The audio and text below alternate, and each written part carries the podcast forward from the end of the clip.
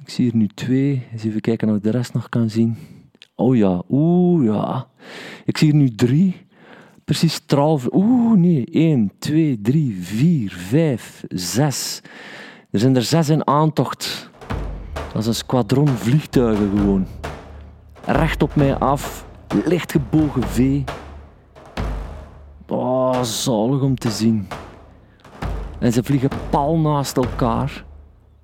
1, 2, 3, 4. Man, oh man, oh man, oh man. En, zoals ik al zei, ze komen het, dal, het dalletje hier ingevlogen.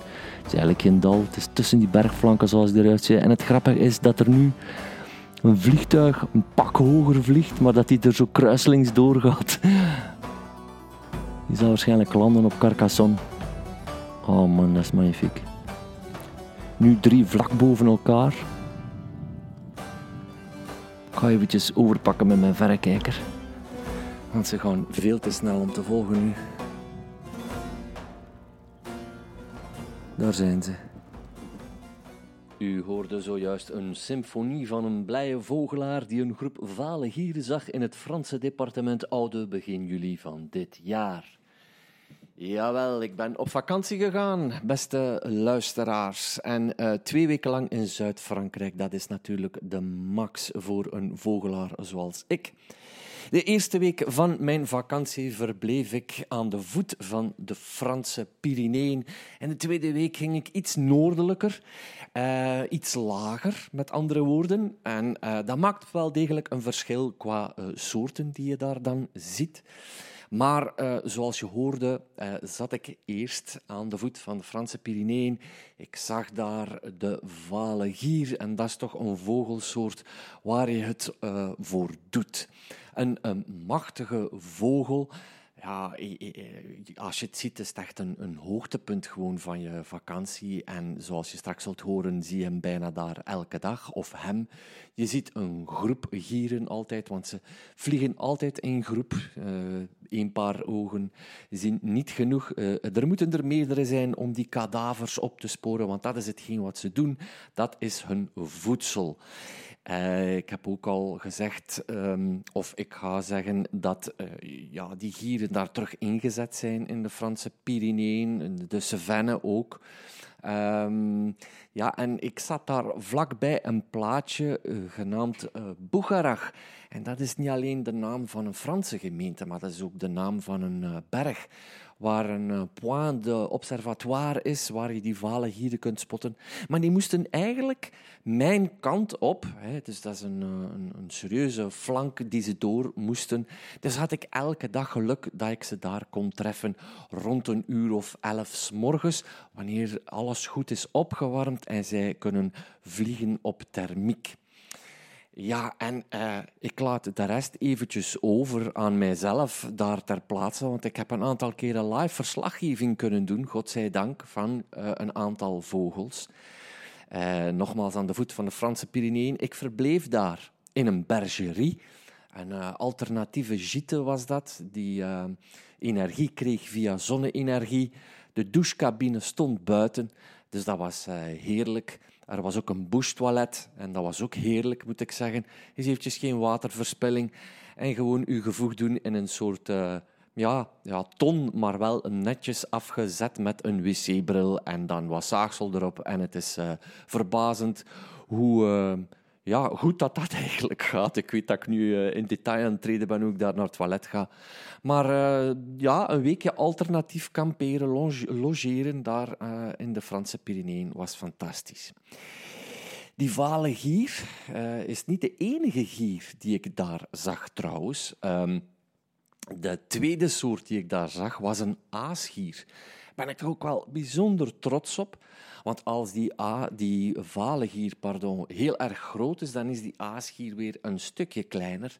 En ik had eigenlijk ook geen vermoeden of uh, durfde niet dromen dat hij daar zou zijn. Maar toen ik daar uh, reed met de wagen, zei een van mijn kinderen, kijk papa, een ooievaar. En ik dacht, een ooievaar, wat bedoel je daarmee? En uh, wat ik ook geleerd heb, is dat je echt uh, moet attent zijn voor de opmerkingsgeest van je kinderen wat betreft zulke dingen. En andere dingen natuurlijk ook. Maar um, ja, ik, ik, ben toch maar uitgestapt om te kijken wat, wat mijn uh, dochter toen bedoelde. En inderdaad, ik zag een wit-zwarte vogel langs de onderkant dan toch. En je kan onmiskenbaar zeggen dat is een aasgier. Uh, waarom wit-zwart? Wel, die ondervleugeldekveren zijn wit en die, het uiteinde van de slagpennen zijn wel degelijk zwart, waardoor dat je eigenlijk een wit-zwarte onderkant ziet van die aasgier. En de wigvormige staart, dat laat ook geen twijfel over. En die groen-gele kop, die kale kop, ja, dat is dan natuurlijk weer een uh, puntje zekerheid wat betreft determinatie. Een prachtige soort, vloog daar alleen. Um, uh, is ook een aaseter. Maar ik denk dat de meeste mensen, uh, als ze er al van gehoord hebben en waarschijnlijk kennen vanuit de boekjes, waarin hij op slinkse, intelligente wijze eieren kan eten. Het is een, het is een, een loopvogeltje ook, de aasgier, of zeg maar loopvogel. Ehm, en hij kan dan met behulp van steentjes die eieren kapot slaan en zo verder opeten. Daarvoor is hij eigenlijk wel bekend. Die aasgier, dus daar was ik heel blij om.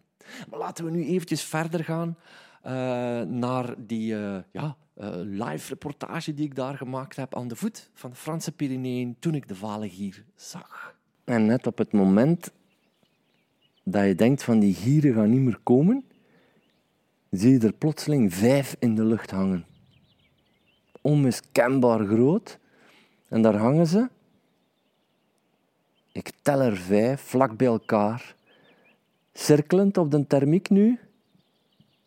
En het zijn onmiskenbaar gieren. Ze zijn heel licht van kleur. De bovenkant. En uh, met een enorme spanwijdte, zodanig dat je eigenlijk niet anders kunt dan besluiten dat dat die gieren zijn. Er zijn er nu twee vlak bij elkaar, twee midden in mijn vizier van mijn telescoop. Dat is magnifiek om te zien. Ze zitten midden in een glijvlucht. Perfect, horizontaal bijna, een beetje V, licht gevouwen V-vorm, met enorme vingers.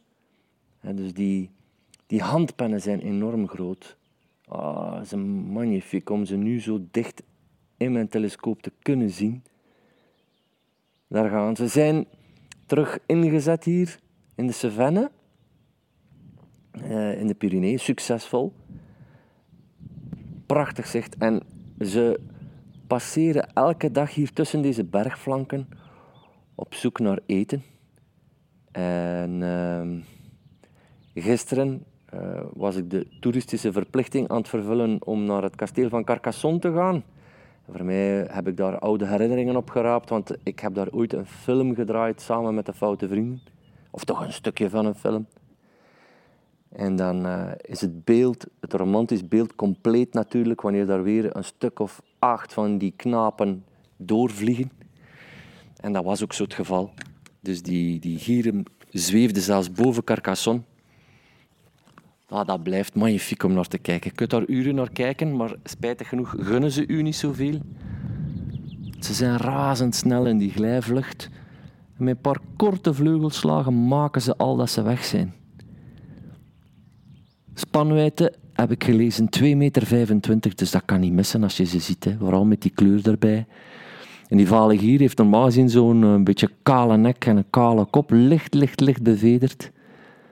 Maar je ziet dat eigenlijk niet zo goed in de lucht. Die, volgens mij kunnen ze een kop wat intrekken.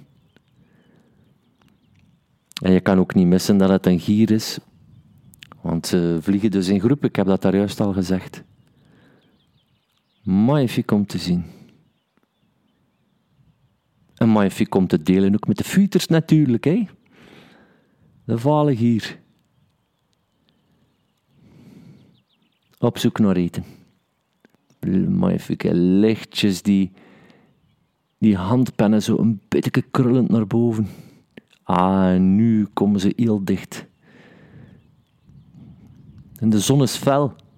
En maakt eigenlijk van die bovenkant zo al rood-bruin. Daar kunt je soms aan mispakken bij sommige vogels. De kleur van vogels verandert naarmate dat de zon ook schijnt. Maar nogmaals, in dit geval geen vergissing mogelijk. Ah, oh, magnifiek. Ik zit hier dus alleen op een bergflank. Koning te Rijk. Het is ook wel maf om te weten dat, dat het hier een kwestie van wachten is, maar dat ze zeker komen, die gieren. En die slangenarend ook trouwens. Het is geen kwestie van ga ik ze vandaag zien of niet. Want gisteren was de temperatuur heel wat minder. Goed weer, maar minder. Toch wel een graad of uh, 7, 8 minder, denk ik. Maar ze zijn er, ze zijn op zoek naar voedsel, dus ze moeten komen. Even kijken naar de volledige andere kant, want voordat je het weet, hebben ze gemist. Zo snel zijn ze.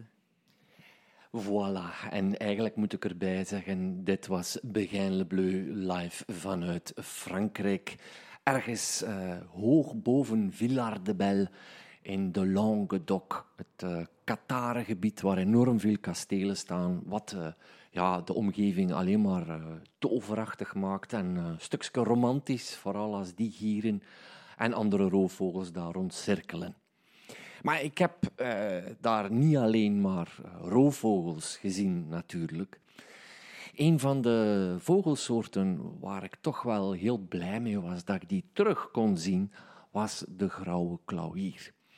En uh, dezelfde dag waarop ik die vale gieren heb gespot, ja, zijn mijn dochter, of een van mijn dochters, en ik opgestaan rond een uur of zes om uh, eens eventjes uh, wat verderop te gaan kijken, vlakbij een boerderijtje, waar een open vlakte was, met hier en daar struikjes en uh, doornhagen. En dat is natuurlijk een fantastische positie voor die vogeltjes, om zich van de ene struik naar de andere te begeven op een hele veilige manier. En toch zie je dan als spotter enorm veel, omdat ze inderdaad vliegen in die open vlakte. En die open vlakte, het eerste wat je daar hoort is de veldleeuwerik. En de boomleeuwerik zat daar ook. Um, maar die grauwe klauwier, daar waren mijn dochter en ik heel erg benieuwd naar. Um, en dat dat niet altijd over een leien dakje uh, loopt, het spotten, dat mag wel uh, deze opname bewijzen. We hebben verschillende malen geprobeerd hem in ons vizier te krijgen. Een klauwier is nogthans ja, een vogeltje dat zit in de top van een, uh, van een struik. En je zal straks wel horen waarom dat, dat een struikje met doornen moet zijn. Um, maar in ieder geval, um, het liep niet altijd van een lijn dakje. Zit in de top van een struik, maar zit meestal vrij ver. En uh, verder in dat veldje zagen wij ook uh, jonge spreeuwen. En uh, jonge spreeuwen zijn volledig zwart, waardoor ze je wel eens op een verkeerd been kunnen zetten. Je denkt van, wat, wat, wat voor vogels zijn dat?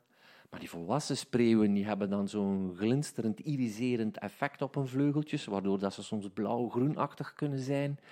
En hoe dat, dat komt, moet je dan maar eens luisteren naar Kraaien van Plezier, de podcast over ja, uh, onder andere de ekster, waar ik dat, uh, die mechanische kleur eigenlijk uitleg. En die spreeuwen hebben ook dat wit, die witte punttopjes van een veren, maar die jongen hebben dat niet, waardoor dat je soms denkt van ja, maar wat voor vogeltje is dat? En dat blijkt dan eigenlijk een jong te zijn van die spreeuw. En in, uh, in serieuze aantallen daar op het veldje waar ik zat, zat ook de grauwe gors. Dat is natuurlijk een prachtige vogel. En de grauwe gors gaat nog een speciale rol spelen in uh, een van de volgende podcasts. Want ik ben in uh, de maand juni met een aantal mensen van de werkgroep Akkervogels naar Vlaams-Brabant getrokken om daar grauwe gorzen te tellen. Samen ook met de kiekendieven die we geprobeerd hebben te spotten. En uh, daar was blauwe kiekendief. En we zochten naar grauwe kiekendief. Er zit ook bruine kiekendief. Uh, maar dat is dus voor een van de volgende podcasts. En nu, zoals ik daar juist al zei, om eventjes te bewijzen dat het niet altijd roze geur en maneschijn is wanneer je vogels probeert te spotten, mijn dochter en ik op zoek naar de grauwe klauwier. Hij zit op het puntje van die tak. Zie je hem? Nee. Nee? Mag ik eens kijken? Hij is ook weg. hij is weg. Oh. En hij zag er zo goed uit. Heb je er weer een gezien? Ik heb er niet. Oh nee, hij is weg. Ah, ik zie hem vliegen. Ik zie hem vliegen. Ziet? Ja, ja, ja. Kijk, je, kan, je kunt hem van hier zien.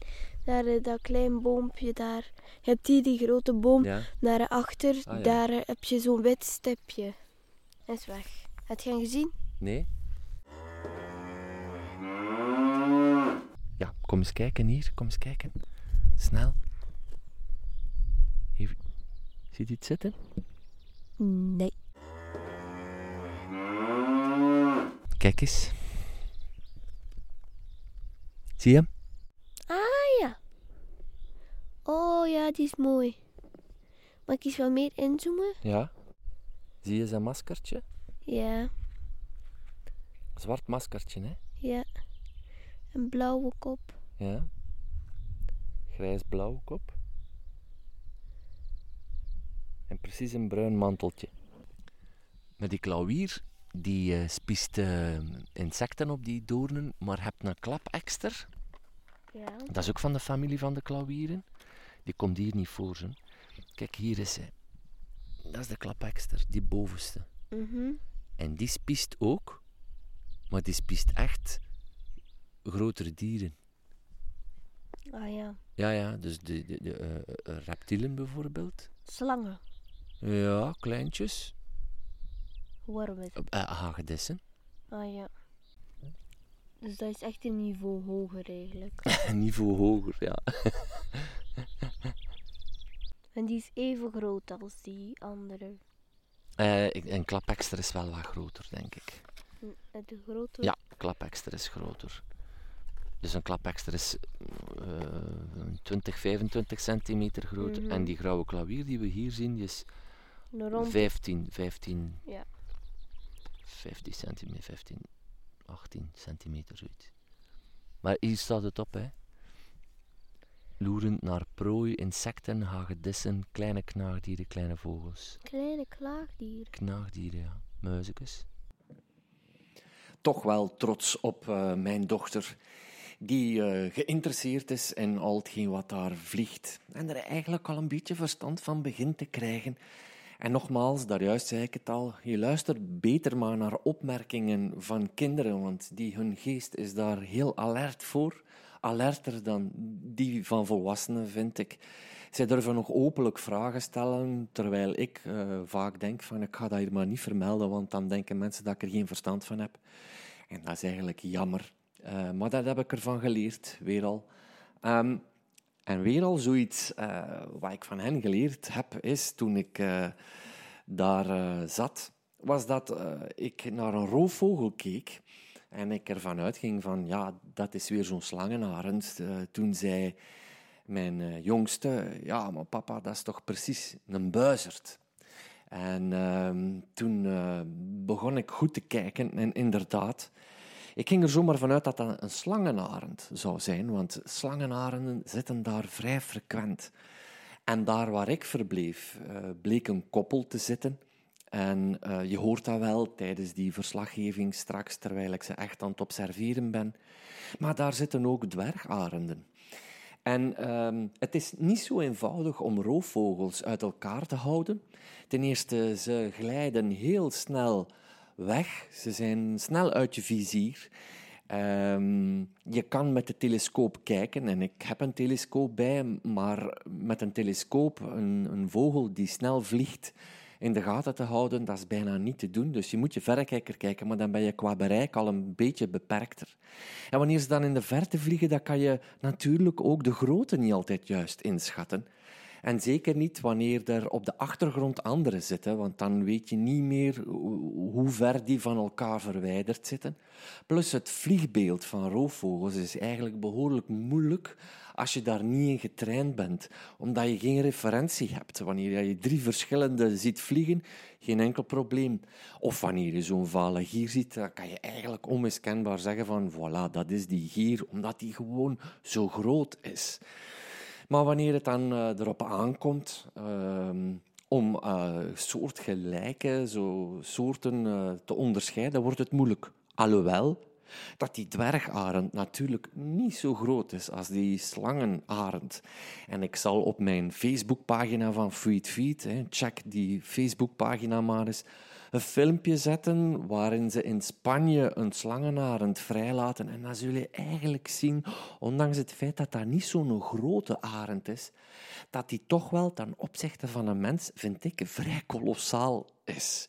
Vooral die kop is heel markant en, en je, je ziet onmiddellijk dat er een groot verschil is tussen een roofvogel van hier en een arend. Hij heeft echt een massieve kop. En ik heb het geluk gehad dat uh, die slangenarend op een gegeven moment in een dennenboom zat. Want daar staan ze eigenlijk ook wel onbekend. Uh, ze zonnen graag in zo'n uh, dennenboom op de top. En die markante kop, met een uilachtige karakter zitten daarin. Ik vind omdat die ogen iets meer naar voren zijn gericht. Maar ook omdat de, de, de vorm van de kop en vooral de vorm van de pluimen ervoor zorgen dat zijn kop een beetje ronder is. Waardoor dat je zo wat een uilachtig kenmerk krijgt. Ja, maar als je die daar dan ziet zitten in die top en ja, je staat daar ongeveer een meter of tien van, dan zie je opeens van, ja, dit is toch wel echt een, um, een serieuze uh, slangenarend. Maar die opmerking, nogmaals om terug te keren van mijn dochter, ja, dat, dat, dat sloeg wel degelijk uh, ja, de nagel op de kop, omdat uh, op dat ogenblik leerde ik het verschil kennen tussen een dwergarend en een slangenarend. En ehm, in het volgende um, verslaggevingske gaat je mij de slangenarenden horen uh, beschrijven. Uh, later heb ik opzoekwerk gedaan en eigenlijk alles wat ik zeg blijkt te kloppen. Het uh, markante bidden, het opvallende bidden, namelijk het stilhangen, en dat is echt adembenemend om te zien, klopt. En de, de bungelende poten die je ziet, dat klopt ook. Um, voilà, de dwergarend heeft dat niet. De dwergarend, de onderkant is, uh, is helemaal anders.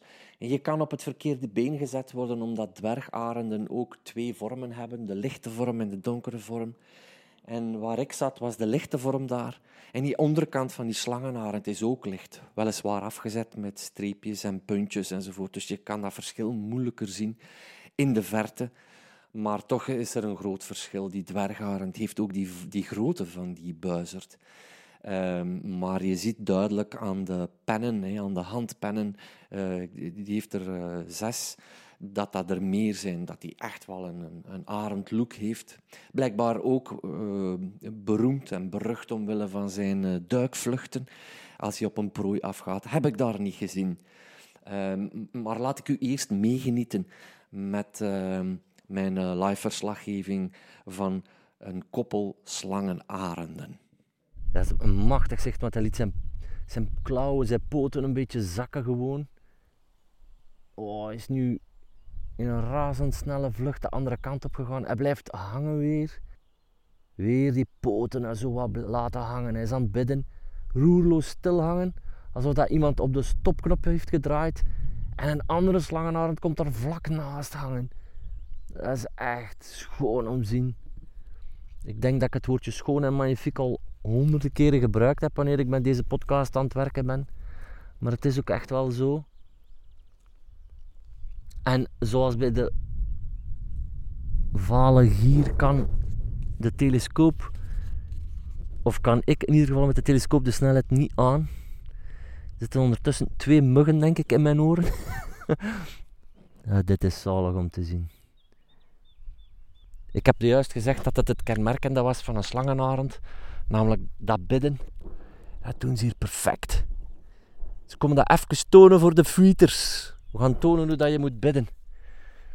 Ja, een torenvalk is uh, schoon, maar ik denk dat een torenvalk hier toch nogal wat van kan leren. Alhoewel ik de torenvalk niet wil onderschatten natuurlijk. En ze gaan nu weer hoger de lucht in. Ze zijn echt aan het cirkelen op de thermiek. En dan laten ze zich weer verder zakken.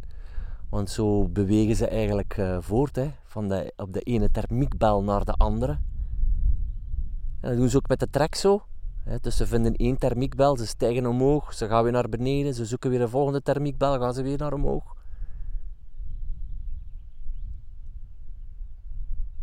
Ja, onmiskenbaar. Die slangenarend. Grote spanwijdte, je kunt die ook niet missen. Hè.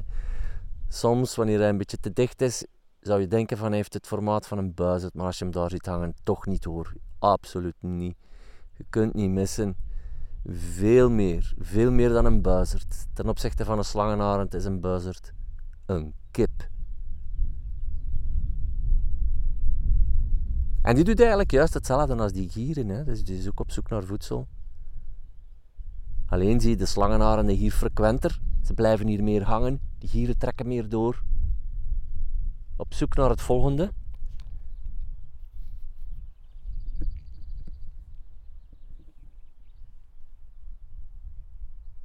blijf nog even op die flank hangen hier. Die slangenarenden zijn nu aan het roepen.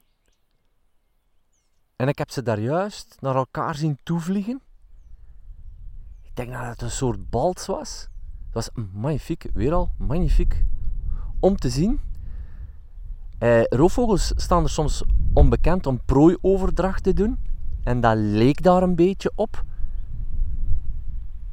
Want een van de twee ging ondersteboven hangen en de andere ging daar bovenop. In de lucht. Dus het zou kunnen, maar het was in de verte dat er een prooioverdacht was. En normaal gezien hoor je roofvogels ook niet zo hard roepen. Maar dit was wel mooi om te zien dat dit gebeurde nu. Dus uh, ik zie die ene, dat ene exemplaar van die slangenaren nu zachtjes die bergflank naar beneden vliegen. Die andere is even uit mijn zicht verdwenen. Ik moet dit ook opzoeken of prooioverdracht bij slangenarenden, of dat dat bestaat. Het een soort van baltgedrag zou zijn. Zijn nu nog altijd aan het roepen. Dat heb ik zelf ook nog nooit meegemaakt, dat uh, die arenden zo luid roepen. Normaal gezien zijn dat hele stille vogels. Maar je hoort ze echt galmen van de ene flank naar de andere. Ze vliegen heel dicht bij elkaar, dus ofwel is het een koppel, ofwel belagen ze elkaar. Ik moet er weer wat meer opzoekwerk over doen. Heb ze tot nu toe solitair zien vliegen en terwijl ik die slangenarend volg, zie ik weer onze vale gier in beeld verschijnen. Er zijn er weer vijf. Blijf even de slangenarend volgen, want die blijft roepen. Typisch, op een gegeven moment verlies je ze uit het oog en dan opeens zijn ze weer met twee. Ze vliegen nu boven elkaar, blijven roepen. Kan bijna niet anders dat dat een koppel is. Nogmaals, de voorbije dagen heb ik ze solitair gezien. Alleen wil dat dan zeggen. Oh, die ene die stijgt zo eventjes naar boven. En dan zie je de bovenkant eigenlijk heel goed. In een vlucht zie je dat toch heel zelden, vind ik. Ik, keer even terug. Er is weer live verslaggeving hier. Naar die gieren. En dan zet ik mijn beweging. Ja, ze vliegen volledig de andere kant op. Ik ga wandeltocht inzetten. En ik ga eventjes naar de top van de andere... De slangenarend. En uh, een, een, een, mooi verhaal is misschien ook het verhaal wanneer ik vertrok uh, om verder te reizen naar het noorden. Is, uh, ja, ik stond vertrekkens klaar. En ehm, de man die de uh, beheerde, die attendeerde mij er eventjes op van kijk eens naar boven. En toen ik naar boven keek, uh, vlogen het koppeltje, hè, dus de slangenarenden, zo'n 100 meter van ons, van heel de familie. En we bleven denk ik ja, zo'n vijftiental, twintig seconden staan. En ik denk dat we ze op dat moment nog nooit zo dicht hebben gezien. Eh, de koppel slangenarenden kwam steeds dichter en cirkelde rond ons heen. Ik, uh, ik, ik vond het eigenlijk een, een verhaal dat ik niet kon vertellen of schrijven, want af en toe hou ik er wel eens van om over vogels te schrijven. Je moet maar eens kijken ook op de Facebookpagina. Maar ik dacht van, dit is eigenlijk een te melige anekdote om uit te schrijven, want dit hou je bijna niet voor mogelijk. Het was alsof dat ze een, een, een, laatste groet deden alvorens dat wij vertrokken.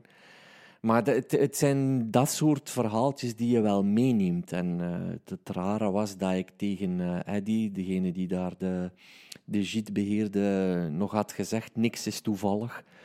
En dan gebeurt zoiets, ja, dan, uh, ja, dan word ik uh, emotioneel natuurlijk. Nee, maar dat, is een prachtig verhaal. En ik zeg het eigenlijk te melig om, om waar te zijn, maar het is wel gebeurd. Dus het was uh, bijzonder mooi om die slangenaren daarna ook weer te zien wegleiden hè, met hun hoekige vleugels. Prachtig om te zien. En ja, weg waren ze. Um, Et voilà, dat waren uh, een paar prachtige momenten op een, uh, een rijtje gezet. Um, ik ging dan meer naar het noorden toe. En ik heb eigenlijk een verslag gemaakt, al daar, uh, van de dingen die ik daar gezien heb. Uh, ik, ik, ging er een beetje met gemengde gevoelens naartoe. Zo van, ja, wat, wat, wat, gaat er mij nu nog verrassen hier? Uh, dus je voelt dat bij mij, ja, de, de, hoe moet je zeggen, de gewenning eigenlijk al intreedt. Zodat ik mij, mijn kop al niet meer omdraai als er een putter in een boom zit. Wat dat een beetje fout aan het worden is. Maar uh, ja, niks is minder waar. Je uh, uh, verschieten van de dingen. En ik verschoot zelf enorm van de soorten die ik daar alsnog zag. Moet ook gezegd zijn dat we jullie waren en ik eigenlijk enorm veel vlinders heb gezien. om eens over iets anders te hebben. Van koningspages tot dambordjes, verschillende soorten koolwitjes. Uh, ik heb één Apollo-vlinder gezien, maar ik denk dat ik voor de Apollo-vlinder nog niet hoog genoeg zat daar. Maar het, het was echt weelde daar uh, waar ik zat qua vlinders. Het was ook lang geleden dat ik zoveel vlinders bij elkaar zag. De laatste jaren ben ik meer naar het noorden getrokken, Scandinavië, en daar zie je heel wat minder. Dus het was wel uh, ja, een soort blij weerzien met die vlinders ook. Et voilà, uh, laat ik nu de verslaggeving uh, van uh, het, de volgende stopplaats op mij nemen, die ik daar gedaan heb met het geluid van de cicades op de achtergrond. Um, ik, ik wil ook nog eventjes ingaan op wat een aantal luisteraars aan mij gevraagd hebben. Namelijk, kan je ons eens een tip geven rond een goede vogelgids? En ja, dat kan ik. En uh, als uh, ja, iets, iets, wat meer ervaren vogelspotter, uh, maar je ziet dat er altijd bazen boven bazen zijn. Luister dan nog maar eens naar de podcast van Koen Leijsen. Die man die kent tien keer zoveel meer dan mij, maar goed.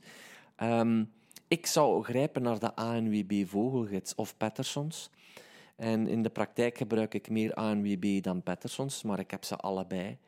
Maar dat kan mensen, en vooral beginnende vogelaars, vooral verwarren, omdat je uh, achterover kunt vallen van de hoeveelheid verschillende soorten.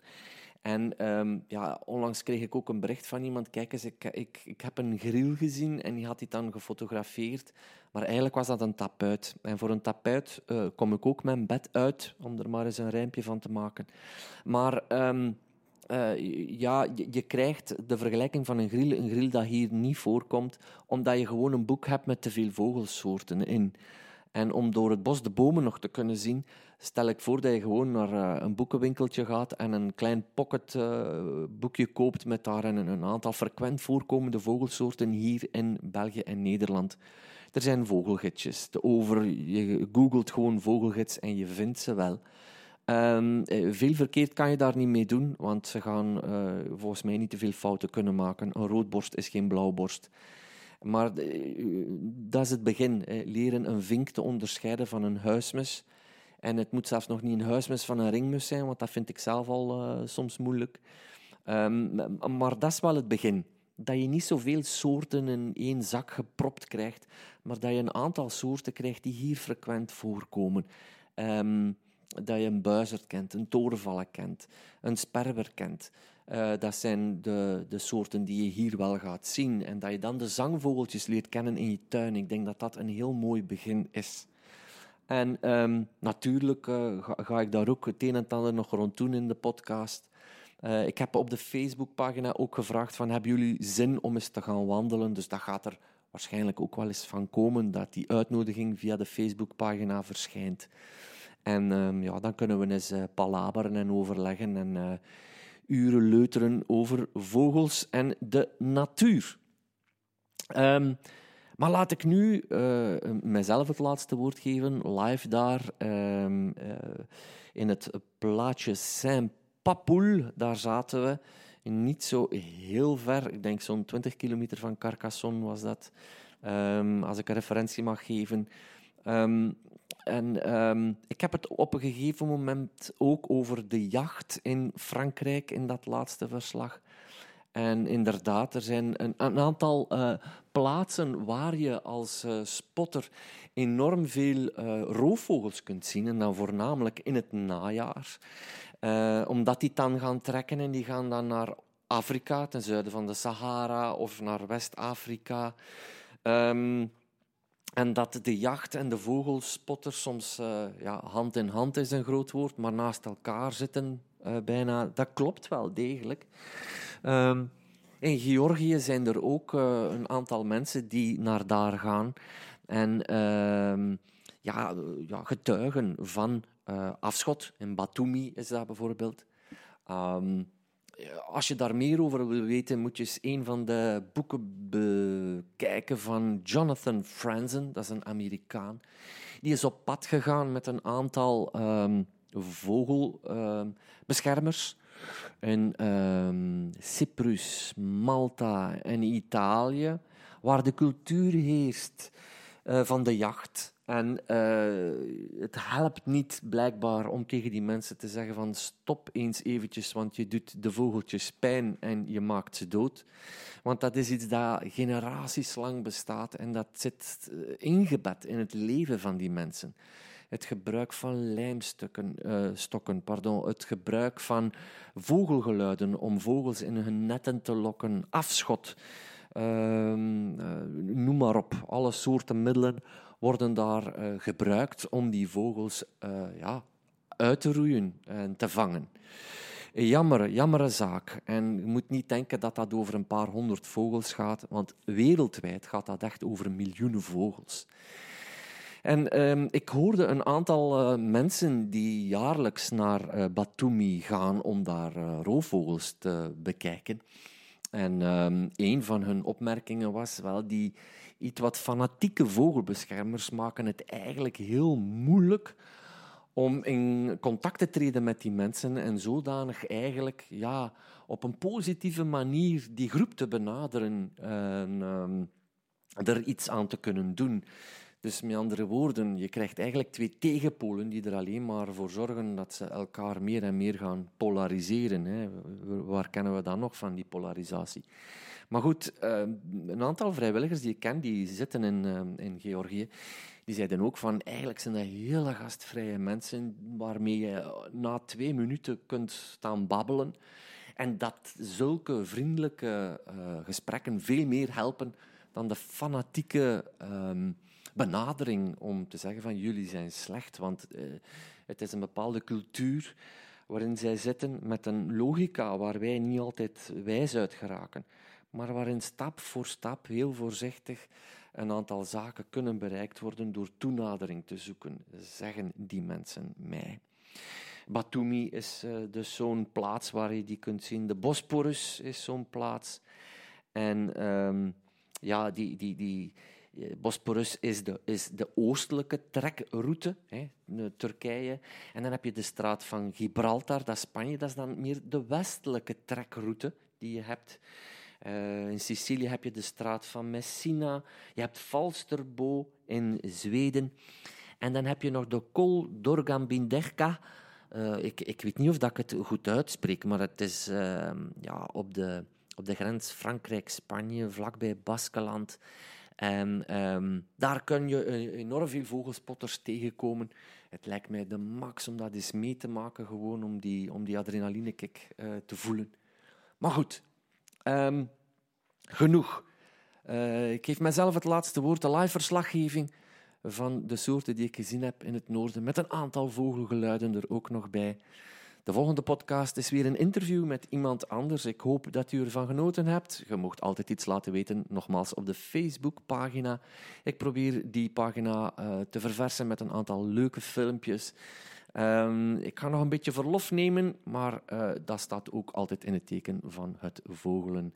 Uh, eh, 21 augustus, dat moet ik nog bij zeggen, ben ik te gast bij Kobe Ilsen in het programma Weet ik Veel. En, ehm, dat gaat ook over mijn passie als vogelspotter. Ehm, misschien hebt u ook mijn bijdrage gehoord in het programma De Bende van Annemie, die ermee gestopt is. Uh, ik ben daar een drietal keer op bezoek geweest. Uh, en eigenlijk is bij Annemie Peters het idee ontstaan om een podcast te maken. Ik um, ben dan nog een aantal keren op bezoek geweest om wat uitleg te geven en mijn passie te delen rond vogels. Dus eh, bij deze wil ik eh, de redactie en de bende van Anemie, uh, van Radio 1, nog van harte bedanken dat ze die kans hebben gegeven. En ja, toch wel even een voorzetje gegeven hebben om deze podcast te maken. Maar 21 augustus, dat is op de middag, te gast bij Kobe Ilsen in Weet ik Veel. luisteren maar. En dan nu het laatste woord. Alsjeblieft en tot kijk. Tot de volgende. Dag.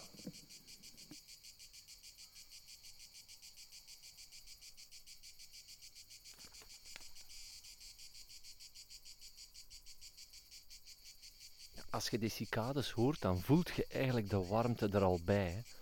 Ik zit uh, een beetje noordelijker dan uh, mijn eerste stopplaats hier in Zuid-Frankrijk. En uh, dan betekent dat dat die cicades er onmiddellijk ook bij komen, want die zitten niet zo hoog. Um, ja, het is ondertussen denk ik 36 graden. Um, je hebt misschien ook gehoord dat er een baan is die hier vlakbij ligt. Dus toen ik hier aankwam, dacht ik van, goh. En daar hebben we weer een auto. Wat, wat, wat gaat mij dat hier brengen? Naar vogels toe. Ehm, totdat ik uh, s morgens vroeg wakker werd hier. En tot mijn grote blijdschap niet één, niet twee, maar zelfs drie wielenwalen hoorde. En dat is fantastisch natuurlijk. Hè. Dat, dat is, en ik ga constant in herhaling vallen, dat is een magnifieke vogel. En het leuke is, ik had me tot uh, doel gesteld deze week om die wielenwaal ook effectief te spotten. Dus niet alleen qua geluid, maar hem ook echt te willen zien. En ik ben daar niet in geslaagd, want ja, hoe dat je dat ook draait of keert, die wielenwaal die zie je bijna nooit. En uh, ondanks het feit dat je weet, die zit daar in de top van de boom. Maar dat is een hele schuwe vogel. En je kunt die bijna niet te pakken krijgen. Ik versta soms niet hoe dat mensen op Facebook uh, foto's kunnen publiceren van wielenwalen. Uh, ergens uh, op een open plek of zo. Want ik, ik, slaag daar gewoon niet in. Deze week dacht ik even dat ik een vrouwtje gezien had van een wielenwaal. Die zijn groen. Hè. Het mannetje is, zoals je misschien weet of niet weet, maar zo heel schoon, zwart-geel, exotisch. Schoon eigenlijk. En ik dacht, ik heb zo'n vrouwtje gezien, zo'n groen exemplaar, die ook zo wat in een golfvlucht zit, zoals een inderdaad groene specht. Ik dacht, nee, ik denk toch dat een vrouwtje is. Maar later op de dag hoorde ik wel degelijk een groene specht hier. En ik dacht van ja, ik ga die waarneming maar schrappen, want dat, dat zit erin dat hem dat niet is. Ik, ik heb hem dus niet gezien. Het was wel wonderschoon om te zien dat ik hem uh, deze week uh, vlak bij mijn uh, kamer hoorde. En ik heb even de gordijnen opengetrokken en dan wordt dat een perfecte vogelhut. En hij zat echt in de boom recht over mijn kamer. Ik heb hem gehoord weer al, maar gezien? Nee, jammer. Eh, ik ben ook heel blij dat hij hier in het zuiden nog zit, want bij ons in Vlaanderen zijn er maar een paar koppels meer. Of sommige zijn gewoon passanten. Dus ja, hier komen ze nog wel veel voor. Als je kijkt op de Facebookpagina van FeedFeed, zul je op een gegeven moment ook wel de, de iets wat morbide foto zien van uh, een aantal wielenwalen die in een strop zitten. Zeker een stuk of tien. Ze worden dus uh, heel graag bejaagd. Hier in Frankrijk wordt er trouwens enorm veel gejaagd. Um, maar dat wil dus zeggen dat, uh, ja, ik denk wel dat wij daar enig resultaat van uh, kunnen zien, doordat er zo fel op gejaagd wordt. Zien wij die eigenlijk niet meer. En um, hier zitten ze gelukkig nog wel. Uh, kwestie van tijd. Ik weet niet hoe, hoe, hoe dat de stand hier precies is. Maar dat zit dus goed. En dan heb ik hier ah, een gewone gast ook gezien. Dat zijn de zwarte roodstaarten. En dat hoor je aan een uh, gekrak, gekrak, zo'n ge, gekrakeel, zou ik maar zeggen. Van een um, geluid. Ik zal het er wel eens onder zetten hier. Ja, die zwarte roodstaart, dat is een prachtige vogel. Hij heeft een broerke. Dat is de gekraagde roodstaart. Als je daar meer over wilt weten, dan moet je naar de podcast luisteren. Het eerste deel uh, met Koen Leijsen. Daar zult je meer over weten, over die uh, ge, uh, gekraagde roodstaart. De zwarte roodstaart is dus zijn broertje. En de naam zegt het al, hij is uh, bijna in tinten van zwart. Niet volledig zwart, maar toch wel heel donker met een rode staart. Kan zo ook staan, staan wippen met die staart, zo typisch gedrag. Um, en, en het is eigen aan die zwarte roodstaart om hier te zitten, bergachtiger gaat ook broeden op klifjes, rotsen. Dat is die zwarte roodstaart. Een prachtig vogelke dat hier gewoon maar in de tuin zit. En waarvan ik dacht, wat ga ik hier allemaal kunnen vinden. Want ik ben er dan ook op uitgetrokken. En ik ben meer naar de Zwarte Bergen getrokken, Les Montagnes Noires. Dat is een stuk uh, noordelijker nog, waar de, de Haute Languedoc is. En waar ik dacht, ik ga daar enorm veel kunnen zien. En ik heb daar eigenlijk nagenoeg niks gezien. Ik heb daar wel veel gehoord. En ik dacht op een gegeven moment van, ah, ik hoor, want het was echt bij ochtendkloren, ik hoor hier een nachtzwaluw. Maar dat was wishful thinking. Ik denk dat het gewoon een cicade was. En de cicades vliegen nu letterlijk en figuurlijk rond de oren. Ik had misschien s'avonds daar nog eens eventjes moeten passeren, want dan hoor je ze zeker en vast als de cicades stil zijn. Heb het niet gedaan. Uh, er zijn een aantal dingen tussen gekomen en terwijl de auto's hier voorbij razen, want ze rijden hier echt als uh, zot, doe ik deze podcast maar verder. Wat, wat, heb ik nog gezien? Wel, er zijn nog een aantal hele mooie dingen uh, gebeurd. Terwijl ik hier s'morgens vroeg aan mijn terrasje koffie zat te drinken, landde er plotseling een hop en voor de mensen die dat vogeltje niet kennen, je moet zeker eens uh, uh, opsnorren op Google wat, en, en vooral hoe mooi dat die vogel is. Heeft zo'n typische indianenkuif. Er is een broedgeval geconstateerd geweest in België. Maar ik denk dat dat eerder een, een zeldzaamheid zal geweest zijn. Maar die hop, die landen hier zijn meestal met twee, meestal een koppel. Prachtige zwart-witte vleugels heeft hij.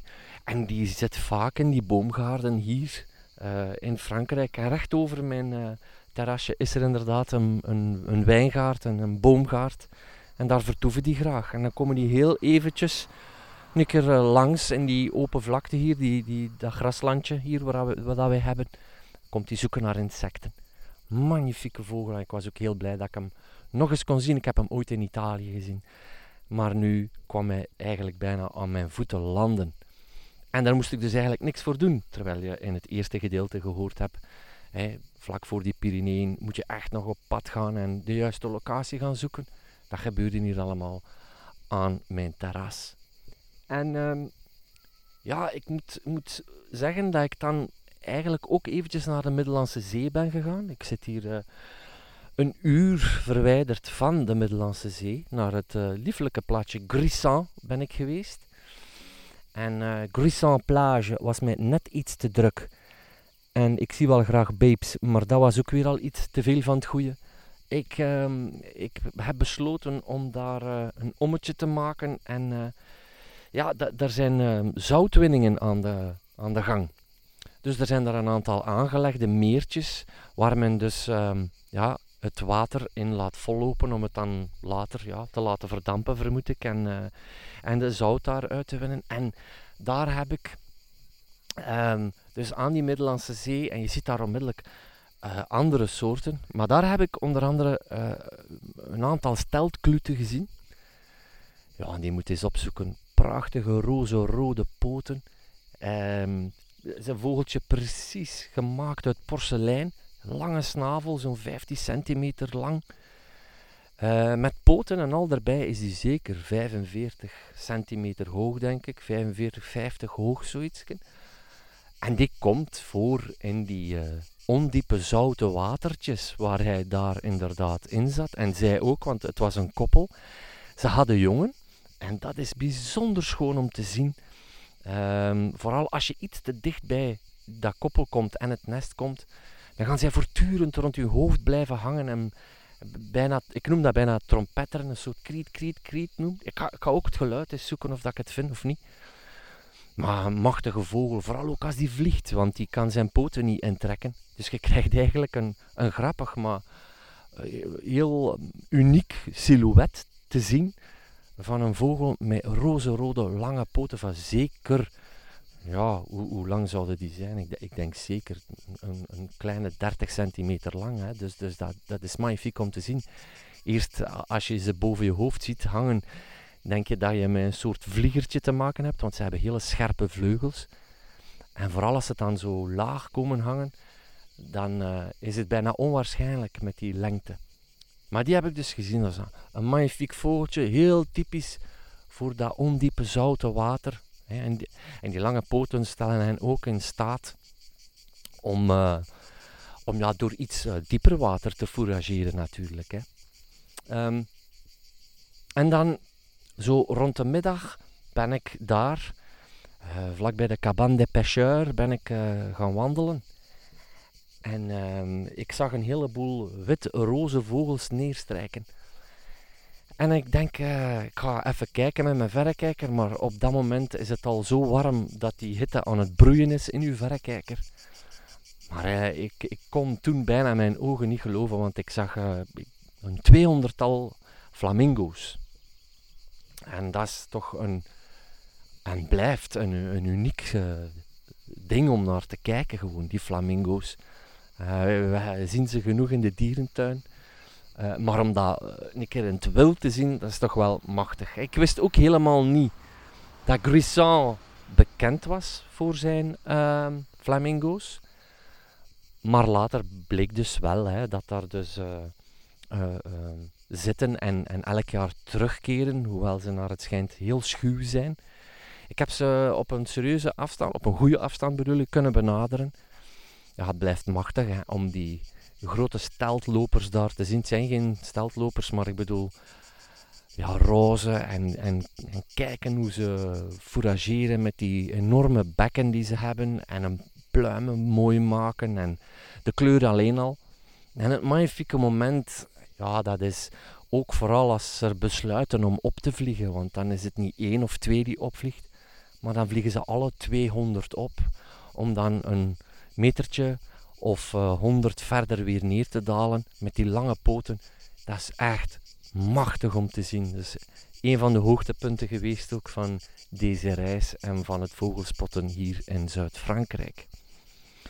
En alsof dat dan nog niet genoeg was, ja, toen ik naar huis reed terug van de Middellandse Zee, zag ik uh, in een wijngaard een enorme nestkast hangen. Ik ben eventjes gestopt langs de kant van de weg want ik zag daar een vogel zitten die een profiel onwaarschijnlijk veel op een uh, scharrelaar leek. Maar uh, mijn dochter, een van mijn dochters, en dat vond ik toch wel een, een, goed teken, want dat wil zeggen dat hij er wel verstand van heeft. Maar die zei van, uh, dat is toch een kou. Maar het was inderdaad, na goed te kijken met mijn verrekijker. En eigenlijk moet je daar niet veel moeite voor doen, want ze zijn zo te herkennen.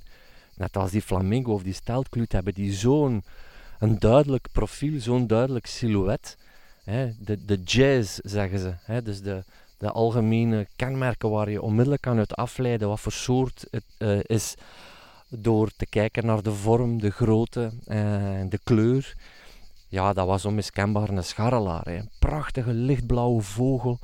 Er is een broedgeval geweest en je hoort dat waarschijnlijk ook wel op de podcast uh, van de Belgische Vogeldag. Daar uh, hebben we het eventjes over het broedgeval dat in Estland is geweest. Maar er is denk ik in Koersel een, um, een waarneming geweest van een scharrelaar. En um, ja, magnifieke vogel. Eet insecten, kleine, kleine, kleine zoogdiertjes, zoals hagedissen. En um, die zat daar in een nestkast, in een grote nestkast. Normaal gezien een scharrelaar zit in een boomholte. Maar dus in die wijngaard, en dat is eigenlijk een van de weinige keren dat ik iets, klinkt misschien raar, natuurvriendelijks gezien heb, of zoiets bewust natuurvriendelijks gezien heb, um, in Zuid-Frankrijk. Een, een grote nestkast in de wijngaard waar scharrelaars in zaten. Dat is toch ook wel even een adrenaline moment geweest voor mij, wat deze reis betreft. Ik heb dan nog een marktje gedaan en uh, daar nog een aantal mensen van Greenpeace tegengekomen waar ik nog het een en het ander over uh, ja, gebabbeld. Ik heb met hen gebabbeld over hoe de vogelbescherming hier in elkaar zit en zo. En ze zeggen dat Frankrijk toch ja, nog heel veel vogelvrij verklaart wat betreft jacht.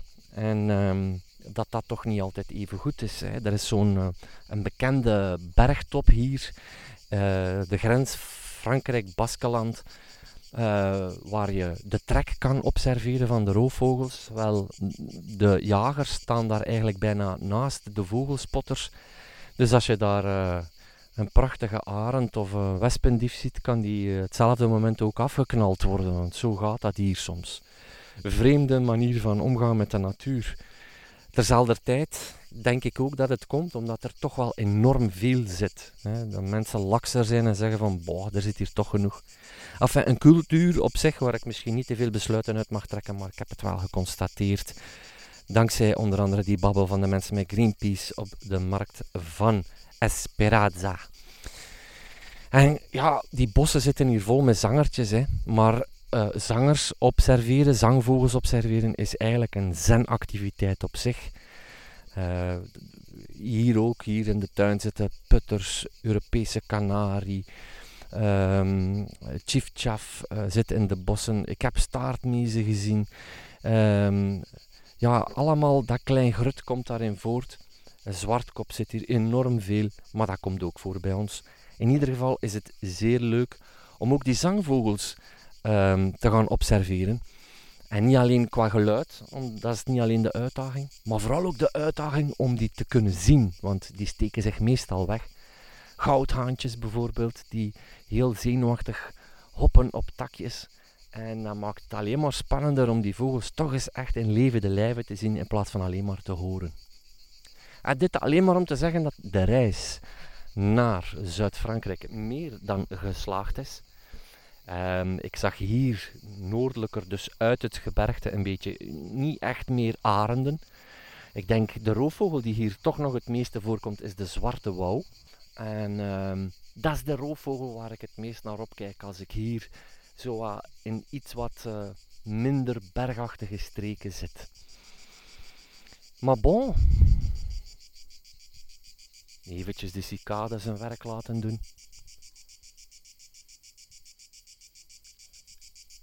Ik hoop dat u genoten heeft van uh, het relaas van mijn vakantie hier in uh, Zuid-Frankrijk. De Languedoc, een uh, streek die zoveel te bieden heeft dat ik er eigenlijk in zou moeten zwelgen om echt alles te weten te komen, maar het is bizar veel. Ik denk dat ik hier over vier, vijf jaar nog niet alles uitgepuurd heb wat hier zit. Maar dit was in ieder geval al een prachtig begin laat ik afsluiten hier met uh, een poëtisch moment van meneer of mevrouw. Het zal wel meneer zijn, denk ik. Cicade.